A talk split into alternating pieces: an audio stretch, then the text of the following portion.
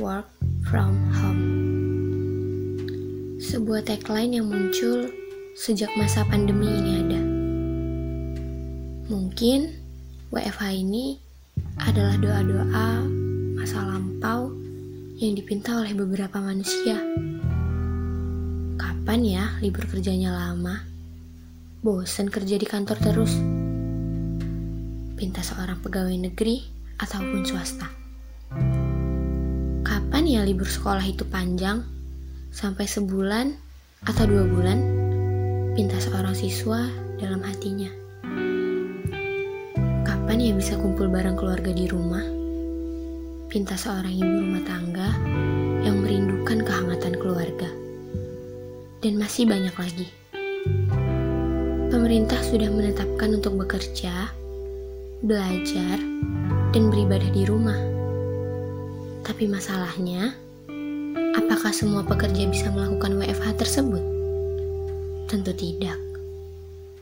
Contohnya saja tenaga medis, polisi, tentara, pilot, masinis, supir ambulans, kontraktor, satpam, reporter atau wartawan, buruh pabrik, dan masih banyak lagi. Mereka diwajibkan untuk bekerja langsung di lapangan. Nah, yang saya sebutkan itu adalah pekerjaan yang mendapatkan penghasilan tetap tiap bulannya.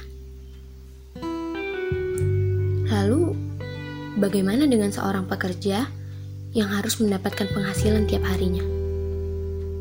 Contohnya saja pedagang keliling, ojek online, supir angkutan umum, dan lainnya.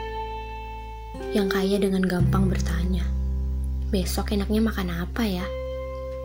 Sedang si miskin hanya bisa bertanya, besok bisa makan tidak ya? Para pekerja yang tidak bisa WFH, mereka tidak salah. Tidak juga tidak takut dengan keadaan. Bahkan mereka bukan seorang penentang peraturan. Tetapi, keadaanlah yang membuat mereka berani demi makan anak dan istri. Untuk para pekerja WFH, tetap menjalankan tugasnya walaupun di rumah ya. Dan untuk seluruh pekerja non WFH, di mana pun kalian berada, kalian hebat. Tetap jaga kesehatan ya. Semoga wabah ini cepat berakhir dan kita bisa beraktivitas seperti biasa. Semangat!